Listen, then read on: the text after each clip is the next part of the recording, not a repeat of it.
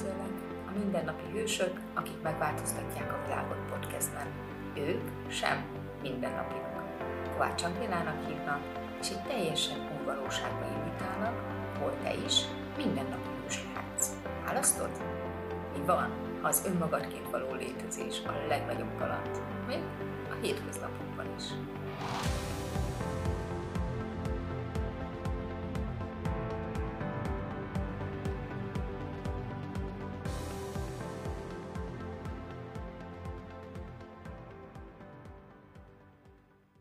Sziasztok! Ez itt a második rész, és ahogy az előző részben beszéltem, két bászkózus után, ahova a kíváncsiságom elvitt, valahol így ránéztem arra, hogy azért is választom a bászkózusokat is, mert keresem önmagam. Olyan, mintha soha nem tudtam volna még, hogy igazán ki vagyok én. Én mit szeretnék. Tele volt a fejem a sok gondolattal, hogy minek kellene lennem, hogy kellene beleilleszkednem ebbe a világba. Valahogy a bászkózusoknál ezeket így elengedtem, de mi mindig nem tudtam, hogy mit is szeretnék én. Akár ezekkel az eszközökkel, vagy kis vagyok én valójában, vagy ki lehetek valójában. És nagyon szerencsés voltam, mert pont a kérbászkózus után először jött Európába dr. Dénhír Zágrádban egy egynapos bélyegjú kúzussal, ami az önmagadként létezésről szól, aminek az volt a címe, hogy légy önmagad, és megváltozik a világ. Hát ez nagyon hívott tehát, hogy uff, tehát az egésztől valahol ezt szerettem volna. Ez nekem nagyon-nagyon hívott. De abban a pillanatban, ahol még a fejemben azt is mondtam, hogy még nem biztos, hogy választom. Már tudtam, hogy választottam. És már is kezdődött ez a kózos. Hogy megengedhetem én azt magamnak. Van-e annyi pénzem? Nem megyek-e valami veszélyes vizekre? Mi ez az egész? Ez abban a pillanatban már elkezdett dolgozni rajtam azt mondtam, hogy én megyek oda, nem tudom, hogy jutok oda, nem tudom, hogyan tudom ezt létrehozni. Egy nagyon-nagyon érdekes élmény volt, egy öröm a testemben, mint egy utazásra, amikor készülsz, és így nagyon izgulsz, és tudod, hogy valami lesz. Zágrában volt a kurzus, próbáltuk a legolcsóbban kihozni. Hogyan vezethetünk le oda, hogyan tudunk ott lenni, szendvicseket vinni, hogyan tudom azt megengedni magamnak, hogy válasszam ezt a nagyot de hát azért ezen ránéztünk arra, hogy hú, mennyire, mennyire túlbonyolítjuk, hogy választjuk önmagunkat. Erről szólna ez a kózus, hogy választod önmagadat, a legtöbb kétségem kerül a kózus körül volt. Összefogtunk, elindultunk, emlékszem, hogy szerettem volna azt, hogy így, így megjelenjek, létezzem, de ha most oda gondolom magam a leghátsó sorban, a legsarokban, hogy nehogy végre valaki észrevegyen, kb. úgy ültem ott, egyszerre volt és nyílt ki egy hatalmas vágy arra, hogy, hogy valami hasonlót csinálni, amit én csinál. És egyszerre volt bennem az, hogy olyan messze vagyok ettől, mint nem lakó Jeruzsálemtől. Nem tudom azt mondani, hogy sok mindent értettem azon a kózuson. Hisz új volt még minden. Teljesen más, minden facilitátor másként mutatja be az eszközöket, én is nagyon másként mutatta meg ez az eszközöket nagyon sok minden, amit nem értettem, azt mondtam, nem értem, de mégis ott van a vágy bennem, hogy én ezt szeretném.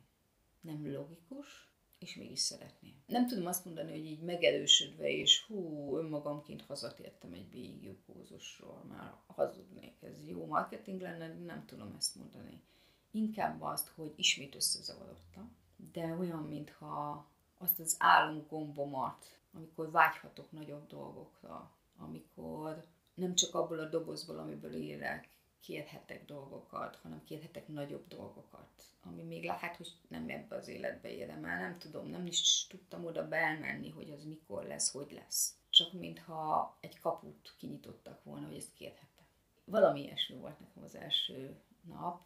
Mm, nagyon sokszor hallgattam meg azt a hanganyagot, nagyon sokszor tértem vissza ahhoz az energiához, ahhoz is, hogy önmagamként létezni, hogy ez nem csak azt jelentheti, hogy szilárdítsam be, hogy ki vagyok én, fixáljam be, hogy ki vagyok én, hanem felteltem azt a kérdést, hogy ki lehetek én. Túl azon, amin azt mondom, de én ilyen vagyok, és abba bele kell törődnöm. Nekem ez a doboz illik rám. Vagy én ilyen nem vagyok, és én soha nem juthatok abba a dobozba, mert a szüleim, mert ahonnan jöttem ez, ez. Ezek szépen elmosódtak pillanatra túl nagy lehetőség volt, hogyha akkor mi lehetek? És ez nagyon vicces, ez egyszerre nagyon vicces, egyszerre meg ilyen furcsa érzékelés, tehát hogyha bárki lehetek, akkor tényleg mit választanék? És előtte minden eszközt, amit használtam, valahol arra használtam, hogy túléljek, könnyedebben túléljek. Ennek a kurzusnak nem elég, hogy ott volt, hogy önmagadként létezés, még az a jövő is. És amit mutatott, hogy jövő, az nem a túlélésről szólt, az a teremtésről szólt. És elkezdtem azt kérdezni, ha nem csak megoldani szeretném a problémáimat, nem csak túlélni szeretném a napjaimat, a testemet, ezt a valóságot. És tényleg én is teremthetek, amit kicsiként tudtam, csak aztán jött az összes minden. Akkor, akkor mi, az, amit, mi az a jövő, amiben én önmagam lehetnék? Az önmagadként létezés nem fix. Mindannyian önmagunk vagyunk. És mindannyian lehetünk még inkább önmagunk. Lehetséges, hogy te is utálod azt, amikor megmondják, hogy te így vagy önmagad. Ezért arra invitálnálak benneteket, hogy a podcast alatt a hozzászólásba inspiráljuk egymást egy egyszerű dologgal akár, vagy akár egy eszközök használatával, hogy mi az, amikor azt mondod, hogy önmagad vagy. Mi volt neked, mik neked azok a pillanatok? Akár amikor felfekszel egy víz tetejére, és azt érzed, hogy na most, bárki bármit mond, bármi van az életemben, amit meg lehetne ítélni, vagy nem, ez most én vagyok. Mi ez neked, és hogyan tudnánk egymásnak megmutatni és inspirálni egymást arra, hogy ezt választhatod, ezt megteremtheted, ezt létrehozhatod, az eszközök is segítenek, és a választásod az, ami leginkább segíteni